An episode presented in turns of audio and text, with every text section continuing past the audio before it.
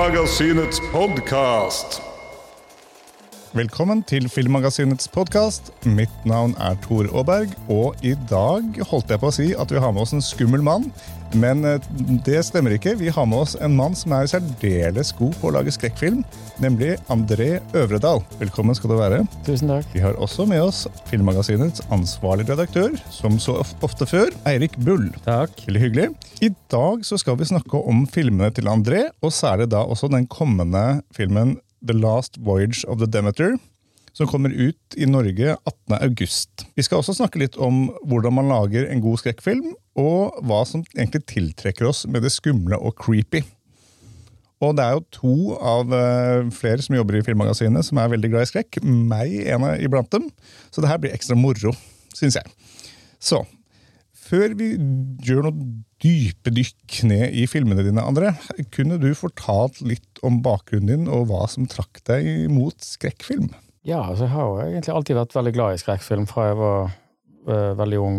Og når jeg begynte å lage filmer sjøl, kortfilmer sånn med kamerater og naboer, og sånt, så var det veldig mye skrekkfilm. Varulvfilm. Og eh, jeg lagde en film om, en hel spillefilm faktisk, om uh, en uh, fyr som ble besatt av et Ouija-brett Mm. når jeg var sånn i tenårene.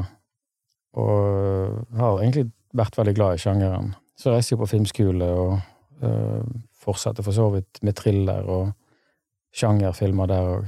Så det, jeg har alltid sett på jeg, jeg var jo, altså jeg vokste opp som en sånn VHS-barn, mer enn kino, egentlig.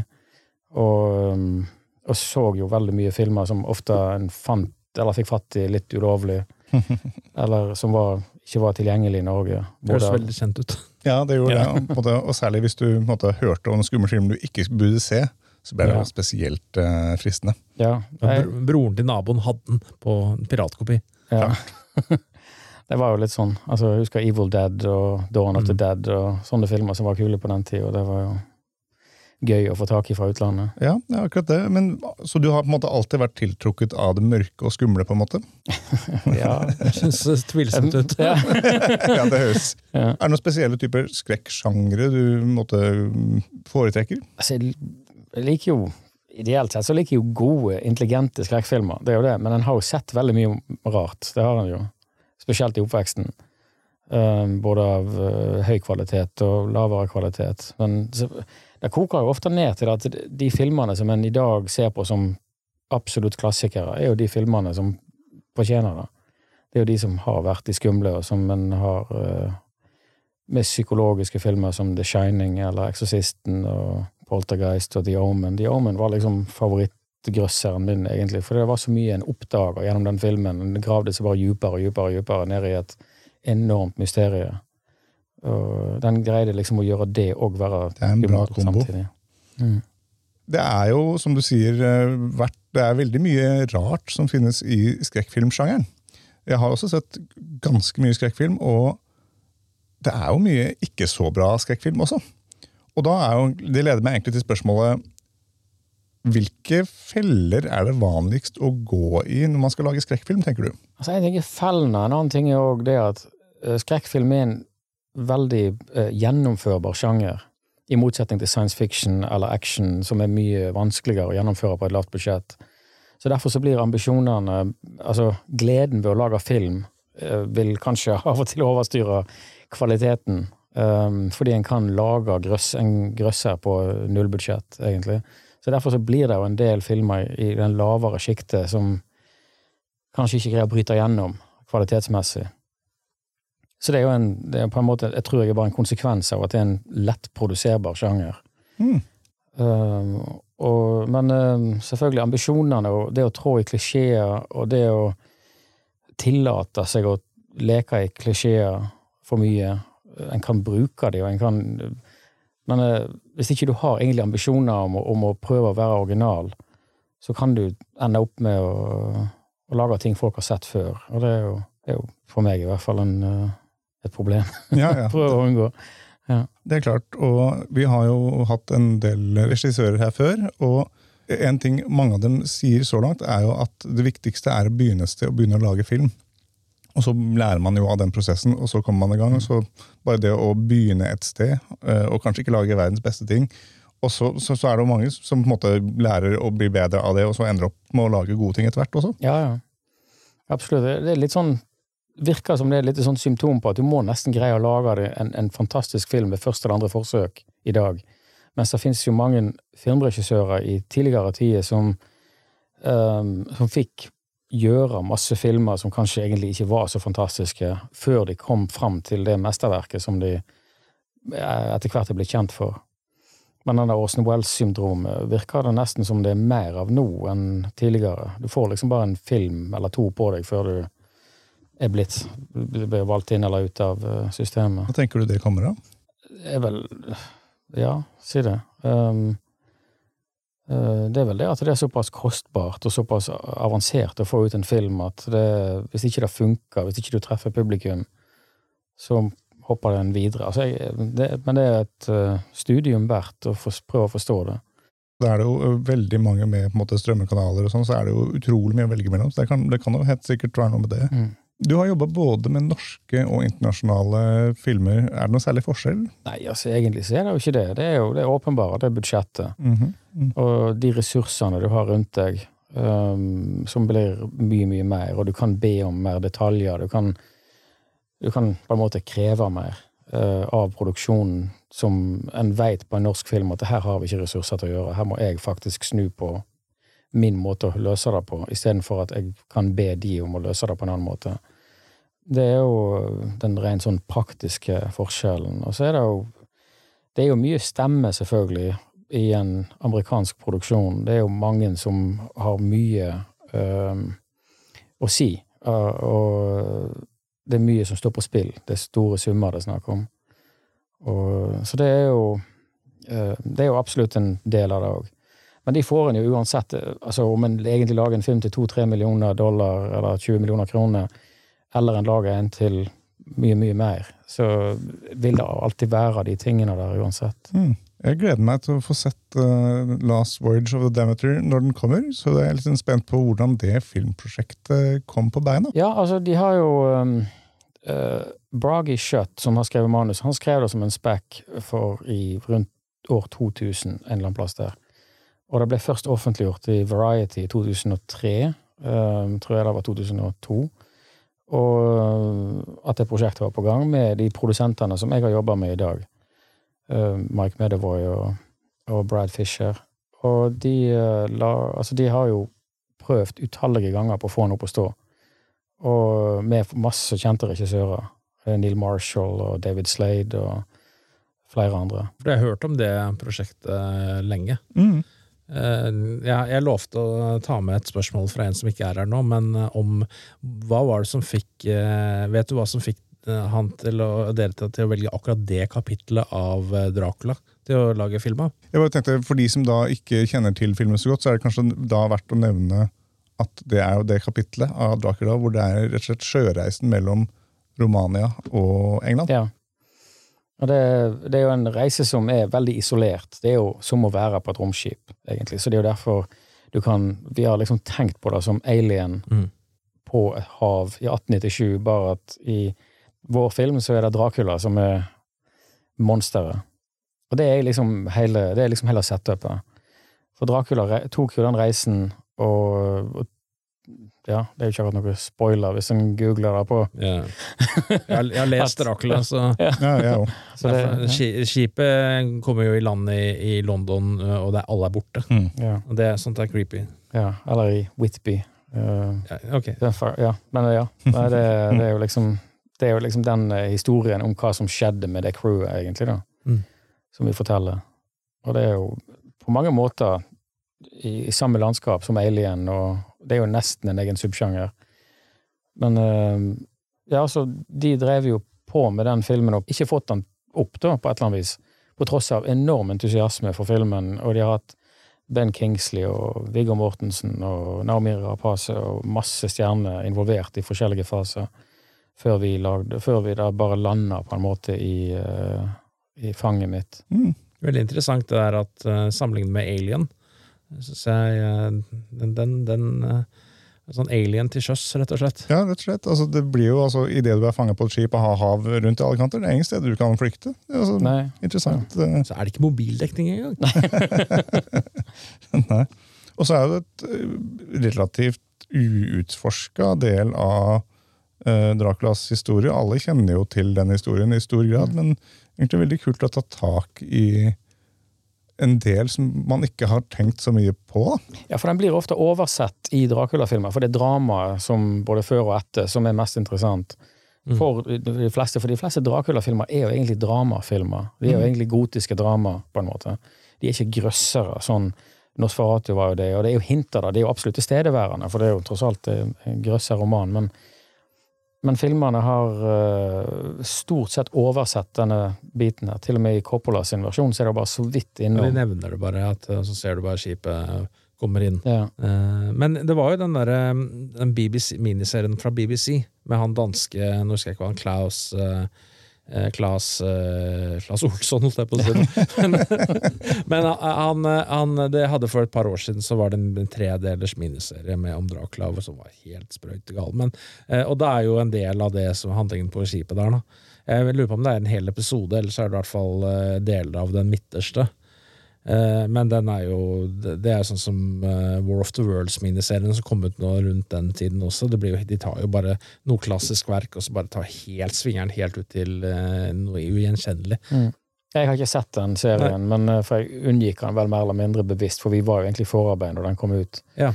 Den, men den, sånn som jeg har skjønt det, så er det vel mer et passasjerskip. Eller iallfall masse folk om bord, som ikke bare crewet. Ja, i den. Ja, jeg mener, Mm. husker, jeg var ikke veldig imponert av den. Uh, og jeg, jeg, jeg er veldig opptatt av Dracula. Jeg liker den historien. Det er en av de få, en av de veldig få vampyrhistoriene jeg syns jeg, jeg liker veldig godt. Mm. Og, så jeg så den, og jeg så Warf's World, som jeg også er veldig Så jeg ble litt, veldig skuffa av begge to, da. Så jeg håper eh, så, så ja. Eh, Men eh, Hva er det du prøver å si, Eirik? No pressure? no, ja. Nei, altså, eh, altså den Jeg liker veldig godt Brems, den Stokers Dracula fra Coppola. Ja, ja. Mm. Er Den er fantastisk. Ja. Men det er, det er mange som har prøvd å få fram den, den figuren, og det er ikke så mange som har klart det ordentlig. Ja, Eh, så, men traileren ser jo fantastisk ut. da. enig. Ja, tusen takk. Ja. Eh. Den ser veldig spennende ut. Og, men sånn som, som du sier, så er det mange måter Dracula har blitt fremstilt på.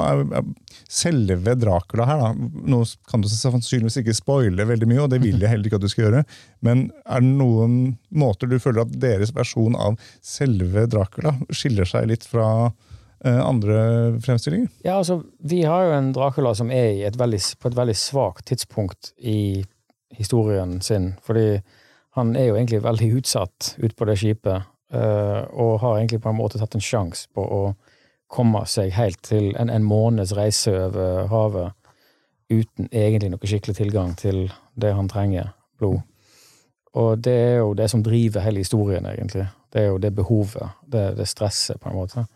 Men samtidig så er han I vår film så har jo vi fokusert på han som et, som et, et, et monster. Et, en ska...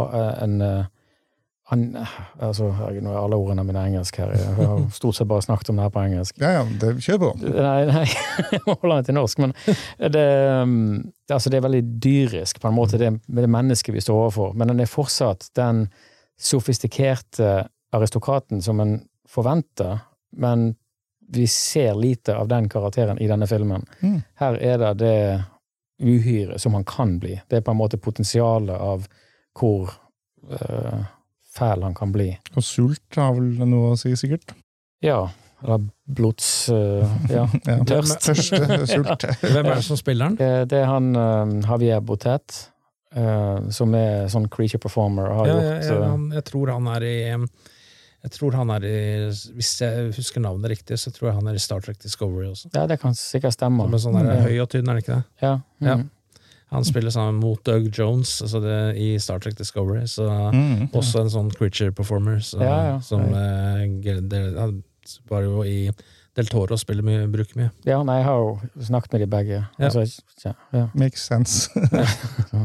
Hva har vært den største utfordringen med å lage denne filmen? da? Altså, det er jo eh, Opptaket var jo veldig krevende. Det er jo sånn at alle filmer som foregår på vann selv om vi er, var filma i et veldig sånn kontrollert miljø i en tank på Malta, så er det fortsatt et veldig krevende miljø å lage film i, fordi du har jo vi ligger, En er jo akkurat ved um, uh, havet, havkanten, kan du si, og det vil jo komme vind, og vi har en båt som ligger fast. Den, den kan ikke bevege seg med vinden. Så når det kommer sterk vind, så kan du risikere at hele båten tipper. Wow. Og hvis du da har 100 mennesker om bord med crew, eller 140-50 eller et eller annet, um, om bord med Så er jo ikke det noe bra. Så det er jo et voldsomt sikkerhetsopplegg. Og vi filmer jo veldig mye natt, åpenbart, for, er ikke, for Dracula er ikke så glad i dagslys. Um, så vi, uh, vi har jo da korte netter. Det var vi filma midt på sommeren. Og da får du jo òg et tidsproblem, fordi du må gjennomføre veldig mye.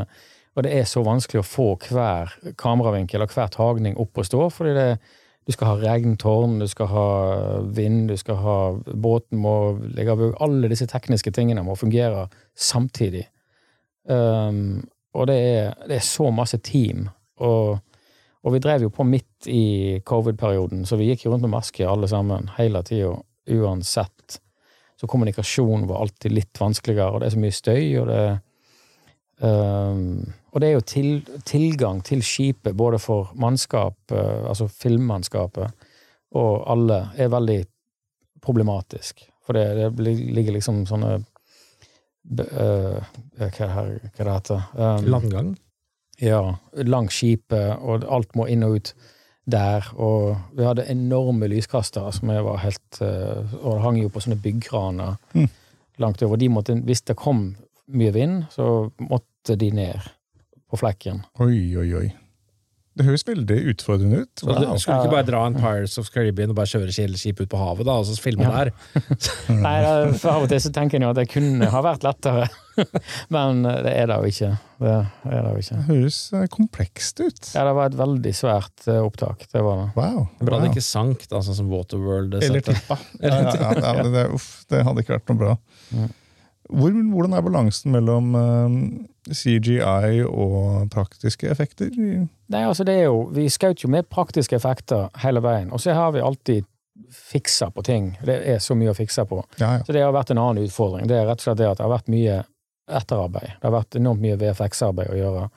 Og i løpet av prosessen så var det så mye pandemi og så mye etterslep hos VFX-selskapene fra andre filmer som har stoppa opp og begynt på'n igjen, og vi mista leverandører, fantastiske leverandører. Så vi ble stående litt fast i flere måneder på det. Um, eh, men det var liksom Da hadde vi heldigvis veldig god tid på filmen, så det var, da løste det seg. Vi fikk beholde den høye kvaliteten. Så bra. Hvordan var samarbeidet med skuespillerne? Eh, Det har vært kjempegøy. Altså, jeg har hatt helt strålende eh, skuespillere, alle sammen. Det har bare vært en fornøyelse å jobbe med dem. Og, På tross av utfordringene med sikkerhet og altså, det er jo en utfordring som alle er med på, Mm. så alle bare lever med. Eh, Men vi har jo liksom hatt Ja. eh, Det, det, er- det er jo, kan du si, òg når en står oppå på dekk der og har egentlig eh, hele øya Altså, du har utsyn mot havet, men bak, på andre sida, så er det jo øya. Det er jo Malta. Så når du skyter den veien, så har du enten bluescreener, eller så har du ingenting. Hvis ikke bluescreeneren er, er mulig å få på plass tidsnok for at du kan skyte. Og hvis du har seks-sju skuespillere i en scene samtidig, så må du jo filme masse vinkler i en dialogscene, og da, har- da ender du opp med å skyte masse greier du ikke vil. Så det, vi har sittet og jobba med rotoskopering og få vekk masse ræl bak skuespillerne i eh, evigheter. Jeg har et viktig spørsmål. Ble du kalt kaptein Øvredal? Nei, det var bare én kaptein på det skipet, og det var Liam Cunningham. Men, Han, ser- eh, ser jo ut som en kaptein nå, da. Han, Ja, Han. Han har en par veldig passende look til kapteinrollen. Ja, ja. eh, Skal ikke nekse for. Det er er Dave Dastmalchan i Hva spiller han for noe? Han spiller um, andre styrmann, eller, altså, eller første, unnskyld, første styrmann. Han spiller jo um, assistenten til kapteinen. Så han um, uh, Ja. Han har jo en tendens til å snike seg inn i skrekkfilmer. og eh, sånn. han, han er den perfekte rollen uh, til sånne ting. Han, er, han Ja. ser man mye om dagen, altså, men han er en veldig Ja, ja. dyktig skuespiller. ja, han er det. Virkelig gøy å jobbe med. Uh, veldig intens måte å jobbe på, og det, det ser du på en måte i spillet hans òg. Mm. Men han har jo spilt mye i bad, mye bad guys og mye sånne type filmer. Men Litt sånn creepy her og der. og- Ja. Så Ja, ja. spiller han jo den derre um, den derre Polka Dot Man i, eh, i Ja. Det er jo den rollen, da. Ja, den, er, den er ganske den, Det var fargerik og så fin rolle for, for han. ja, jeg var faktisk på kino på Malta og så den filmen med han. Artig. Det var veldig gøy. Man ser moren sin uh, i alt. Ja, ja. For en rolle, ass. Mm. Veldig moro. Dere trekker jo inn da, fordi denne delen av historien er liksom uutforska i stor grad. Hvordan prøvde dere å balansere det nye med boka? Fordi det er såpass lite om det ellers, så er det lett å kjøre vår egen versjon. Altså, vi vil jo holde oss så tett på boka som mulig. Mm. Så, men det vil jo alltid bli noen forandringer. Det er av eh, alle mulige årsaker. Men, det er, men målet var hele tida å være så tett på boka som mulig. Så mange, veldig mange av navnene er de samme. Veldig mange av hendelsene er sånn Altså, vi har jo våre egne scener som ikke er beskrevet i boka heller, fordi en beskriver ikke så mye av drapene der, egentlig. Men, de, eh, men veldig mange av øyeblikkene vil en kjenne igjen. Eh, Og det har vært liksom et helt klart mål. og Jeg tror vi ligger tett nok på til at eh, de som er glad i boka, skal kunne liksom bli tilfredsstilt. Men det er jo forandringer. Det er det. Jeg, som jeg nevnte i stad, altså jeg har jo lest boka, men det er godt over 20 år siden. Så akkurat eh, båtscenen var liksom ikke den som festa seg mest da. Så da blir det bra å få litt oppfriskning eh, der. Ja, Jeg gleder meg til å se filmen når den kommer på kino. Og, ja. Jeg husker jeg, jeg har lest boken, men jeg tror den der eh, Coppola-filmen har liksom tatt over mye av hvordan jeg ser den for meg, ser alt for meg. Fordi jeg har sett den så mange ganger, Også, men jeg vet jeg skal lese boken igjen før denne filmen kommer. Det tror jeg er eh, et godt uh, tips. Så- Hashtag ta Dracula tilbake. Ja, Ja, jeg tenkte også vi skulle kanskje hoppe litt tilbake i historien og snike oss tilbake til noen troll. Ja. Og gå til 'Trolljegeren' er også en film jeg har sett uh, flere ganger, som jeg Ja. likte veldig godt når den kom. Jeg må nesten si det om de alle filmene av deg jeg har sett, så du Ja, må så du ta det som en kompliment. ja, ja, herregud. Det er jo fantastisk gøy. Eh, og, og ja, veldig morsom eh, og interessant film du kom med der. Og hvilke inspirasjonskilder hadde dere når dere skapte Du skrev både manus og regisserte den. Hvor kom ideen til den filmen fra?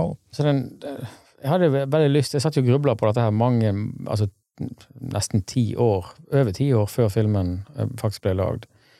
Og hadde veldig lyst til å lage en film om en eller annen norsk type superhelt, men veldig sånn jordnært og norsk, egentlig.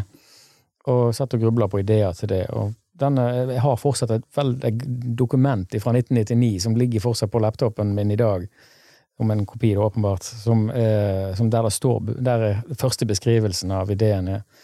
Så det begynte jo sånn. eh, og så begynner det å utvikle verden. Hva, er det, hva konsekvenser kan det ha? Hva, hvordan kan en sånn verden se ut der det finnes troll? Så det er jo, Og ikke minst trolljegeren som karakter. Den, han, Trolljegeren som karakter var med meg én gang. Det var egentlig det som er ideen. Otto Jespersen gjør jo en veldig god rolle der, og jeg har alltid vært ganske fan av han også. så Ja, måtte det, For en kombo. Ja, nei, det var fantastisk og han ville være med. Han, det var, han var liksom helt åpenbart kom, Han kom til å heve, heve filmen enormt. Det er jo en god del humor i filmen også. Hvordan klarer man å balansere måte de to kanskje av og til litt motstridende aspektene humor og skrekk? Hvordan balanserer man det på en god måte? Ja, det, altså det er jo det at den er rotfesta i uh, Altså i, eh, i å være jordnær, først og fremst. Altså det er jo faktisk tatt så langt eh, Det var hele gaggen med filmen. At det framstår som en dokumentar. Og, det, og dermed så blir det veldig realistisk. Og dermed så blir trollene enda sprøere. Hele ideen om at det fins troll, blir jo enda Hvis du hadde skutt det som Jurassic Park, så hadde ikke den humoren kunnet kommet igjennom, for det hadde blitt for filmatisk, på en måte. Mm. Det var iallfall det som var utgangspunktet. Um, og dermed så kan du tillate deg ganske sprø innspill som, som Og det, det gjorde at humoren ble veldig åpenbar. Men samtidig så skal det sies at jeg hadde nok en mørkere versjon av filmen i hodet. På en måte skumlere. Men Jon Jacobsen foreslår at de bør nok legge mer trykk på det, komikken, humoren. Mm. Uh, og det var jo egentlig uh, veldig sant. Så når jeg skrev det utkastet, så kom den Altså, det, det var veldig naturlig. Det lå for så vidt i opprinnelige, alle opprinnelige ideene. Og, Det, det fungerte iallfall veldig bra. Mm. Men da er jeg også veldig nysgjerrig. Når den da kom ut Nå er det kanskje ikke like, folk like harde på konspirasjonsteoriene da som nå, men var det noen eh, konspirasjonsteoretikere der ute som tenkte aha, dette er ekte, disse trollene finnes, han har avslørt sannheten? Nei, altså, det, I USA så ser de jo ofte på filmen som en mer skumlere film enn det vi gjør i Norge. Ja. Og dermed så har en en tendens til å liksom være litt mer øh, til å tro på et eller annet. Men jeg tror nok de fleste Jeg innbiller meg at de fleste gjør det litt for å være morsom, fordi disse beistene her hadde nok sett i media øh, jevnlig hvis de hadde eksistert. Det skal sies at uh, jeg liker jo filmen veldig godt selv, og jeg anbefalte den, uh, den Det var vel uh, rundt da vi pratet sammen forrige gang. Eh, var, jeg anbefalte den eh, for moren min. og så da, eh, Jeg leverte da min kopi av den til min mor, og hun tok jo lang tid før hun og, eh, hun og mannen så den. da, Og så leverte den tilbake. Jeg likte den ikke. hun, skjønt, hun hadde ikke skjønt humoren, da, tydeligvis. nei, nei. Så eh, ja. Mm. Og så er det òg det med fan footage-sjangeren. Det er litt vanskelig tilgjengelig. Hun er jo i 70-åra, så um, Ja, da, min mor er også sånn som der, Hvis jeg viser henne noe som er liksom, den gata, men nei, jeg liker ikke ting som ikke er ekte. Ja, samme her. Ja vel, ok, vi er der. Det er en fantastisk scene i den som jeg alltid husker, øh, hvor, øh, hvor de går, er inne med en kraftstasjon. Uh, og de snakker om at de lurer på hvorfor denne kraftledningen går da i en sirkel, eh, hvis jeg husker rett. Ja, ja. Nei, han kan ikke forklare det, da. Hva er det han heter, han som han fra han, Knut Nærum. Ja, ja, som spiller den, øh, den rollen fantastisk. Mm. Uh, ja, jeg ler. øh. Tror du den eh, Tror du du har inspirert, inspirert troll? eh, Tro meg, det skulle være mitt neste spørsmål. Ja, Det er- jeg men, men det er helt Vi hadde jo Take it away! Vi Det var det neste jeg skulle spørre vi om. hadde jo, hadde jo Roar Uthaug her for noen uker siden, Mm. så, eh, så hva, har du, hvordan, hva har du gjort med han? Nei, altså, det, det Har dere vi- pratet sammen? Ja, altså, vi gjør vi, Jeg kjenner han jo litt, Mm. så det er jo Nei, vi Nei, altså, det vet jeg egentlig ikke hvor mye inspirasjon det er, men selvfølgelig, det er jo inspirerende å se at det er, det er mulig å gjøre det. Men Mm. nå er jo verden en helt annen enn når vi lagde Trolljegeren. Da var det jo et, et mirakel å få til en sånn film. Ja. Nå er det jo bare snakk om egentlig penger, sjøl i Norge. Det at de har hatt så høyt budsjett. De hadde jo mange, mange, mange ganger budsjettet vårt øh, på Troll. Så. Ja. Jeg vet jo Han har hatt den ideen i sånn over 20 år. så på en måte, Ja, ja. Det er jo to trollideer som begge to er godt utført. på en måte, så det Mm. blir, blir på en måte Veldig forskjellige sjangere, da. ja, veldig forskjellige ja. sjangere. Der har du jo, eh, der har du jo katastrofefilm med nærmere Godzilla, så, Mm. Mm. og her er found footage. Um, det, jeg, vet, jeg vil bare si at eh, jeg syns den ene er morsommere enn den andre. Det syns jeg det òg. sånn. And let's leave it at that. Ja. Nei, det er, jeg, jeg liker Trolljegeren veldig godt. Det er, det er en film som jeg har gått tilbake til flere ganger. Det er så Mm, mye mm, kule referanser i den, og det med geitene på broa. Og, og helt, helt utrolig at det Men det er jo også Otto gjør jo den øh, Hever jo den, da. Absolutt. Absolutt nydelig rolle. Og, Ja. Men hvordan ble den egentlig tatt imot i utlandet? Jo, helt fantastisk. Altså, han var jo, vi hadde jo premiere på han i utlandet før han hadde premiere her i Norge. Mm. Så vi var jo i Texas. For første visningen var i, på Fantastic Fest som, som secret screening, så ingen visste hva det gikk til. Og vi var jo uh, vi eh, Jon Jacobsen, Sveinung, Golimo og meg var jo der uh, med flere andre. Og var jo supernervøse for skulle texanere, eller skulle amerikanere i Texas se denne filmen først av alle. Hva i all verden skulle de få ut av alle disse interne norske trollspøkene? Men de, de storkoste seg. Altså, vi satt jo halv natta og venta på tweets og venta på kritikker, og så begynte de å tikke inn på morgenen etterpå, for det her var jo sånn to-tre-tider om natta før vi var ferdig. Og det var jo eh, nervepirrende, men eh, de var jo bare sånn ni av ti. Og fire. altså, Ain't It Cool News var kjempe, var liksom det høyeste du det kuleste da. Så gøy. Jeg har sett Ja. den bli, bli snakket om på sånne YouTube-essays av amerikanske filmnerder som har YouTube-kanaler. De har jo sånne går gjennom filmer, da. Eh, så jeg har sett den et par ganger og at han, eh, en som har Good Bad Flicks, for eksempel, som tar og går gjennom denne her og sånn, det analyserer filmen fra start til slutt. Da. Og Ja. Det er innmari kult å se. Det er, eh, Men jeg tror jeg så deg eh, på Klingenberg, på premieren i, i Norge. Den ble Mm. introdusert, i hvert fall Otto var der, i hvert fall. Ja, ja. Nei, jeg Så- var der vel, jeg òg, da. Ja. Yes, Da var jeg i salen. Mm. ja, ja, ja. Snakka de ikke egentlig om å lage en amerikansk versjon også? Mm. Jo, to ganger har det vært forsøk på det. Ja. Eh, det var altså Chris Columbus, som jeg har vært en fan av hele livet, han kjøpte jo rettighetene til en remake eh, sammen med et koreansk produksjonsselskap. De liksom samarbeider. Og de jobba med det i et par år og prøvde å få han opp å stå. Eh, men det har vært Altså, jeg vet ikke. Og så var det et annet selskap som prøvde igjen noen år seinere. Um, og det har nok vært vanskelig å få det til. Selv om alle egentlig er veldig gira på det og har lyst, så er det tross alt veldig lokalt. Mm. Det å greie å cracke den koden der med Mm. om skal det være satt i USA, eller skal det være satt i Norge, skal det være amerikanere i Norge, skal det være norske troll i USA, hva har de der å gjøre? Ja. Altså, det er ikke deres mytologi i det hele tatt. Nei, jeg føler at det ville bli å på en måte ta noe som funker, og så på en måte Jeg utvaske veldig- det litt. Jeg tror den er veldig låst, og Ja. Jeg er nesten litt glad for at ikke Ja. har lagd den på en måte. Misforstå meg rett. Ja, ja, nei, jeg skjønner jo hva du mener. Men ja, vi har apropos andre filmer du har lagd, så har vi jo Jeg så nylig The Autopsy of eh, Jane Doe, og der har man et stykke creepy, skummel film.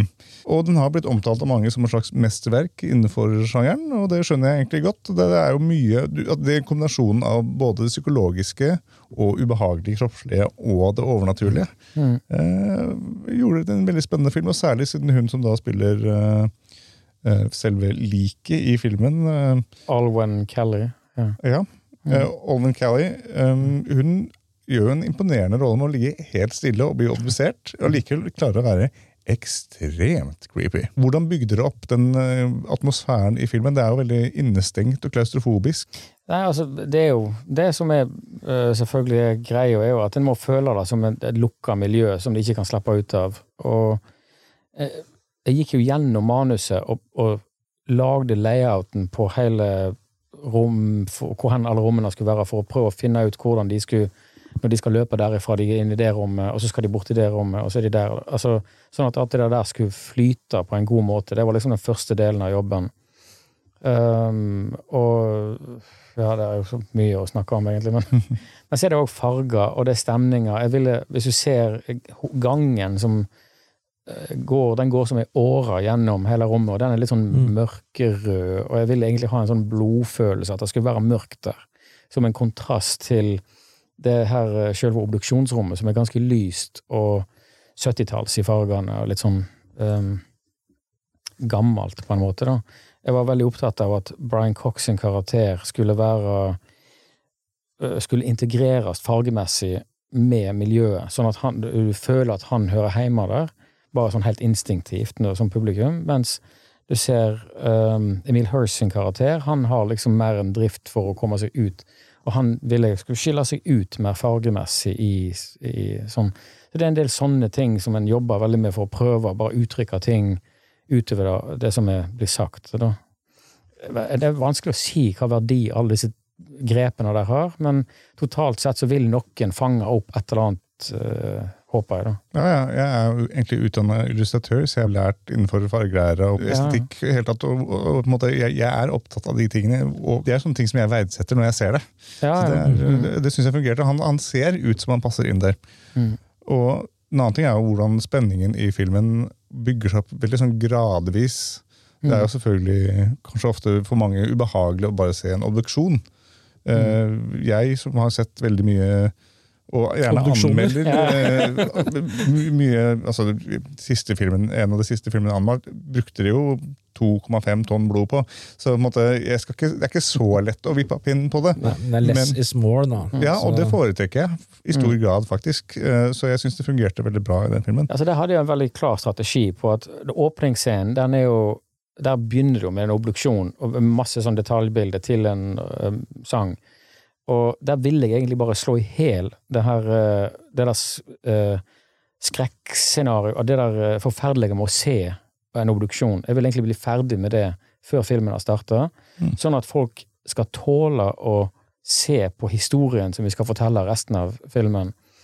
Sånn at når en da begynner å grave i kroppen til hun som historien handler om, så um, så er du kommet forbi det der uh, ubehaget. Iallfall så godt som mulig. Sånn at du blir interessert i hva de Du sitter ikke og snur deg vekk og, ideelt. Og.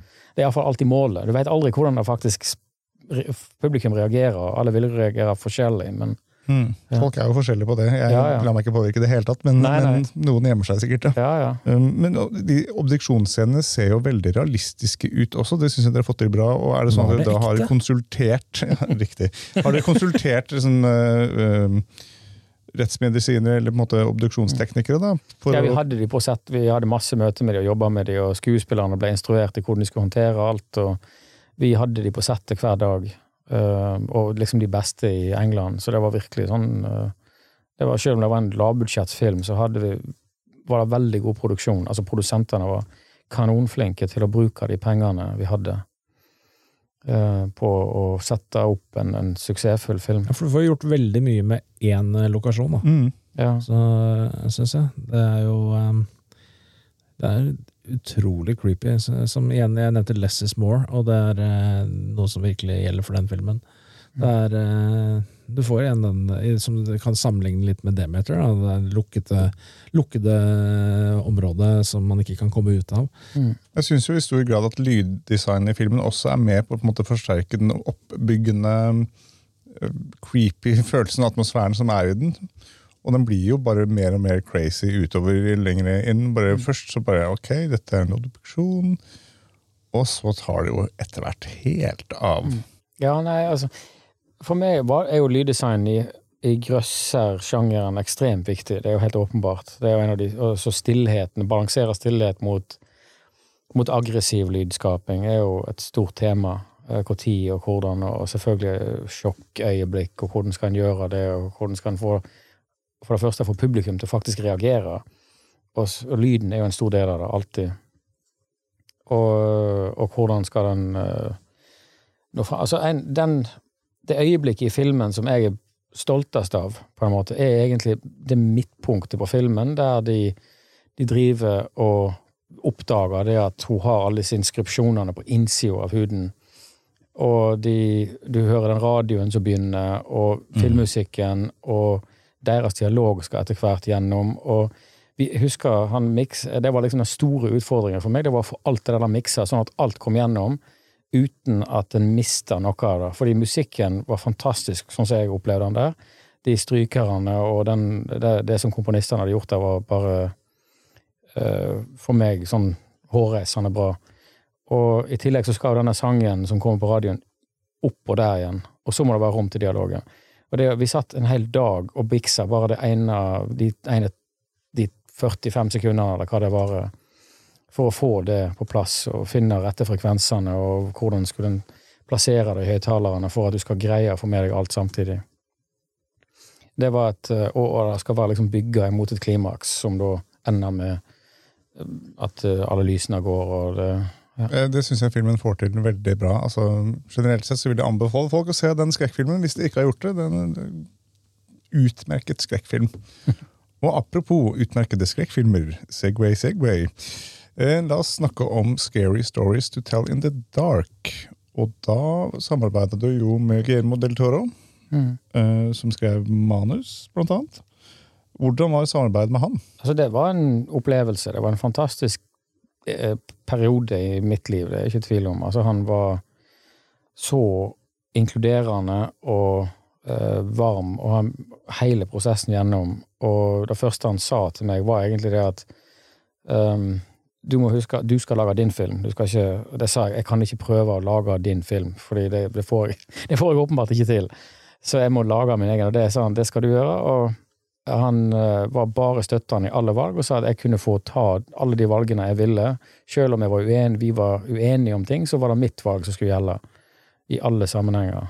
Og han en eh, Og han var så på på manussida, fordi han hadde utvikla den til seg sjøl sammen med disse to brød, forfatterbrødrene, The Hegemans, som vi kaller dem, um, som har skrevet manuset. Han har styrt på en måte den manusprosessen med de.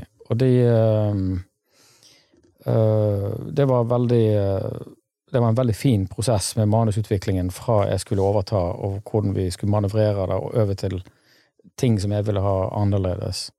Og så må produksjonen kreve det annerledes, fordi ofte er det sånn at manus er skrevet litt i et vakuum, og det er ofte litt dyrere i praksis enn det du har uh, tenkt. Så vi måtte skrive om en del sånne ting i tillegg, for av praktiske hensyn. Og det, mm, og det var en veldig fin prosess. Og under opptaket så lot han stort sett meg bare lage filmen. Han var innom og hilste på et par ganger.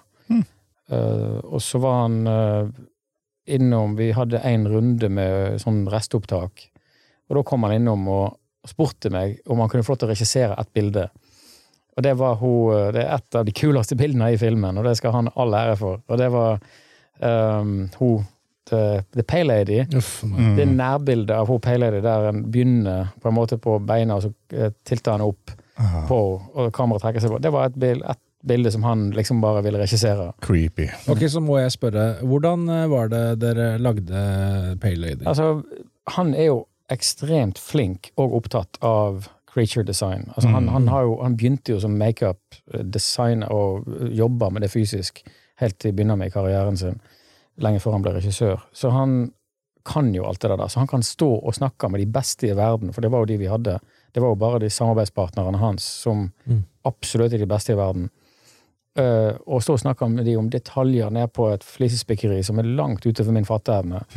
Så han overtok jo veldig mye av den biten der, rett og slett for å sikre at det ble opp, både opp til hans egen kvalitetsnivå, sånn at han kunne på en måte sette navnet sitt på det, men òg fordi han er bare helt eh, Han er som et han er så entusiastisk. Det er nesten barnslig entusiasme rundt alt det. Og um, han er Så han drev jo veldig mye på med den biten. Mens jeg eksempel var i Toronto og jobba og forberedte opptaket, så kunne han reise til LA, sette seg på et fly til LA, jobbe med de designerne som i workshopen deres på å fikle på plass alle disse tingene. Alt er jo reelt fysisk. Det er jo latex, og det er jo mm. altså de tingene som de bruker Mm. for å eh, lage de her eh, Og så har vi gått inn etterpå og fiksa litt på eh, blunk og få til ting som er umulig fysisk. Ja, for hun, hun, han der fyren forsvinner jo inn i den mm. Er det en eh, fysisk effekt, eller, eller er det data? Det er en del data. Ja. Den overgangen der er jo Kan jeg se for meg. ja, dominert av data. Ja. Ja. Mm. Men, det, men det, hun er jo der. Vi filmer alt fysisk. Vi Ja. filmer han fysisk, vi filmer Pale Lady fysisk. Mm. Og så har vi bare Men det er jo sånn verden er i dag. Mm. Mye spennende creature design, som sagt. Veldig bra. Og på en måte, jeg ser på en måte Del Toro-eskheten i, i på en måte det, men det funka veldig bra. Jeg besøkte jo, eh, som jeg har sagt før, jeg besøkte New Zealand og Weta Workshop før jul. eh, og eh, intervjuet jo folk der og ble vist rundt eh, behind the scenes, og de snakket veldig mye om han, da, fordi at han hadde jo jobbet med Hobbiten. Eh, Ja, og. Mm. og, lage, og sammen med dem. Og, og, de, og det var Han hadde jo de villeste ideene Mm. eh, for eh, forskjellige skapninger, så sine tolkninger fra tolken. Mm. Så, så um, de har en bok. Eh, Den er ikke gitt ut, men de har samlet, visstnok, da, hvis jeg skjønte Daniel Falkner, som er en av designerne der, rett, så eh, samlet alle hans tegninger i en bok, og den, den håper Alle håper at den kan bli gitt ut. For da alt han tegnet til Hobbiten, for han tegner jo hele tiden. Ja, ja. Mm. Og filmen er jo en slags adopsjon av en, en Det er- det er vel tre eh, bøker med korte skrekkhistorier som dere på en måte har da tatt og kjørt sammen til en, i én film, i én historie. på en måte.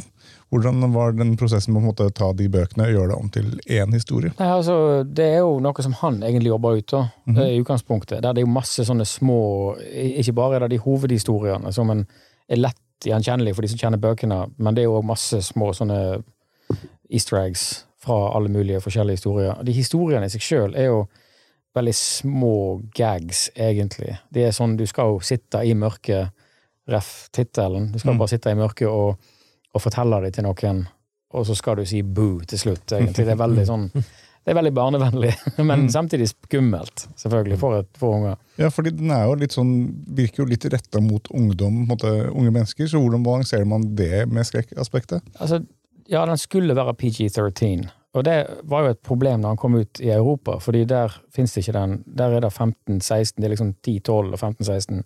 Så det blir, han, han bommer litt på eh, aldersgruppene, bare per definisjon. For han var så skreddersydd for det amerikanske markedet. Og der er det jo greia at det fins regler for hva du kan si, og hva du kan vise, og fortsatt få opp Eller du, når du havner oppå en R. Og det er jo en blod, og det er ord som en ikke kan bruke. Det er jo en del sånne ting som bare Men du kan jo gjøre ting så skummelt som overhodet mulig. Altså, du kan gjøre det skikkelig skummelt, for du kan ikke definere det uh, aldersgrensemessig. For folk reagerer på hva som er skummelt forskjellig. Så blod er problematisk, men edderkopper som kommer ut av en svær kvise på, på kinnet, null stress. Ja. Du har også én for å holde Hvis jeg husker rett, så har du i PG-13 så har du én fuck. Den brukte de i Guardians of Galaxy 3. Så Mm. Altså, vi har òg et øyeblikk i filmen der vi skauter på to måter, uh, med det ordet og Mm. uten det ordet. Ja. Og jeg, jeg valgte sjøl å ta det uten, fordi jeg syntes det var unødvendig å bare Ja. ja. forstygge filmen med bare for å ha det. Du har lov til å ha én, bare så fordi. Ja, nettopp. Er det noen spesiell grunn til at den er satt på 60-tallet? Altså, det var, det var jo en idé som de hadde, de som, når de jobba ut det manuset. De jobba med det et par-tre år før jeg var involvert. Så det var jo bare en, en idé som jeg tror Guillermo hadde, at han ville ha, øh, ha den settingen. Og det var jo kjempegøy å få lov til å prøve å fargelegge det amerikanske samfunnet anno 1968, øh, som var et ekstremt viktig år i amerikansk historie.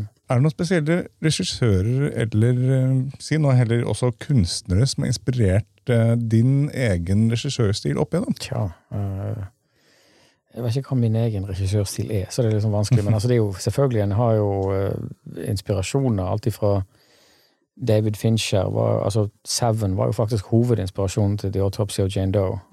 Fordi der er det to personer som går rundt i rom med lik. Og det ble liksom uh, Hvordan gjorde de det? Og det var egentlig en veldig grei inspirasjon å forholde seg til. Og det, jeg elsker den klassiske måten han som forteller på. Det er veldig klassisk. Det er, og spesielt i Seven. Den er tidløs. Selv om han er hva er han nå, 25-30 år, så ser han helt moderne ut, egentlig. Og um, Steven Spielberg, selvfølgelig, med den eh, måten å framstille følelser på, og eh, er jo klart opp i dagen som, eh, som inspirasjonskilde. Men jeg er jo veldig glad i Kubrick, Orson Wells, og ikke minst Alfred Hitchcock, fordi det er jo det er jo ingen en kan lære mer av enn Hitchcock når det gjelder å bygge spenning. Det er jo alle de grunnleggende eh, reglene for hvordan spenning fungerer, er det han som på en måte har virker det som Del Toro også er inspirert av Hitchcock. Mm. Ja, ja. Hvis du ser eh, Cabinet of Curiosities. Mm. Han eh, har en sånn der, å- introduksjon av hver episode. Sant, sant. Det er litt moro. Så, så hvor han driver og Det er nesten litt sånn Hitchcock, eh, Hitchcockiansk. Ja. Han driver på med hitchcockeri. Hitchcockeri. Han hitchcockelerer. Nå skal du Du, ja. Er det hemmelig at det kommer en uh, scary thing Scary stories to do in the dark too? Jeg tror jeg skal ta den på nytt. Er det hemmelig at det kommer en eh, oppfølger av Scary Stories? Nei, altså, det, det er det jo ikke. Vi jobber med det. Prøver å få det til å fungere fortsatt. Nå ble jo det, fikk jo det et par uh, skudd for baugen med, med både covid og ikke minst eh, at jeg lagde en annen film som jeg brukte et par-tre år av livet mitt på. Så det, den har jo lidd under det, det må jeg jo tilstå. Eh, Men, men det er òg et veldig vanskelig det er veldig vanskelig å cracke en oppfølger, for jeg, veldig, jeg er veldig skeptisk til å lage oppfølgere. Og jeg har egentlig hatt som mantra at eh, det er ikke noe altså den, må, den filmen må være bedre enn den første filmen for at det skal være noe poeng i å lage den. Mm. Så det stiller veldig høye krav til manuset. Så ikke noe oppfølger til Trolljegeren. Nei, altså, jeg har virkelig ikke lyst til å lage en oppfølger til Trolljegeren. Har du blitt spurt? Ja, ja, mange ganger. Aldri, aldri hatt lyst. Det er jo Det er det, det er lov. Av og til så er det liksom, når man lager noe bra, så det liksom, la det ligge. på en måte.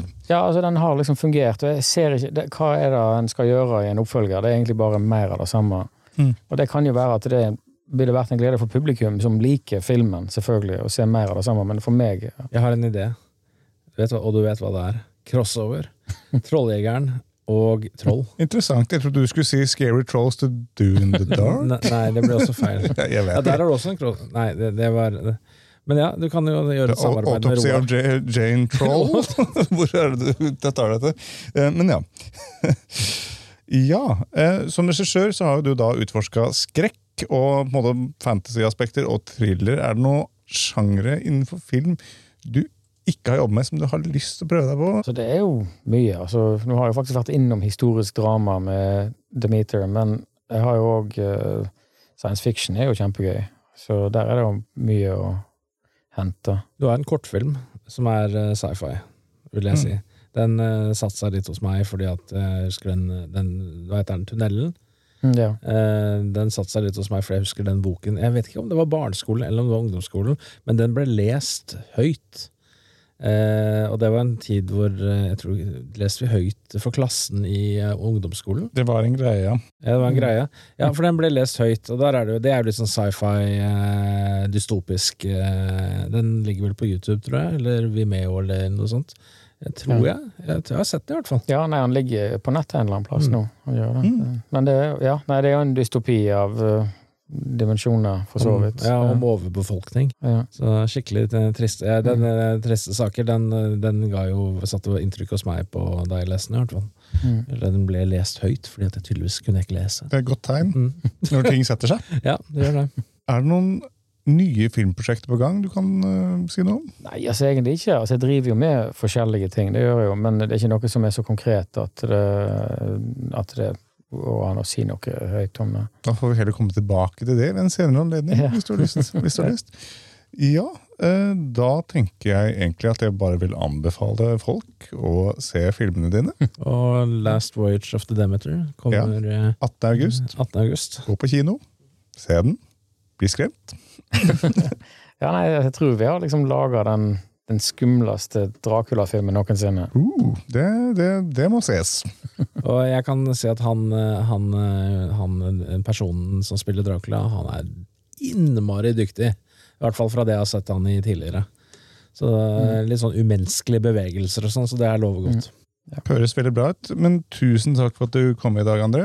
Kjempehyggelig. Ja, det var kjempehyggelig å bli invitert. Takk. Kom tilbake når du skal være. Takk. Da vil jeg også si tusen takk til lytterne for at de var med oss i dag. Jeg vil også oppfordre lytterne, hvis de er snille og hyggelige, til å fortelle en venn om Filmmagasinets podkast, eller dele oss eh, på sosiale medier. Det har vært hyggelig.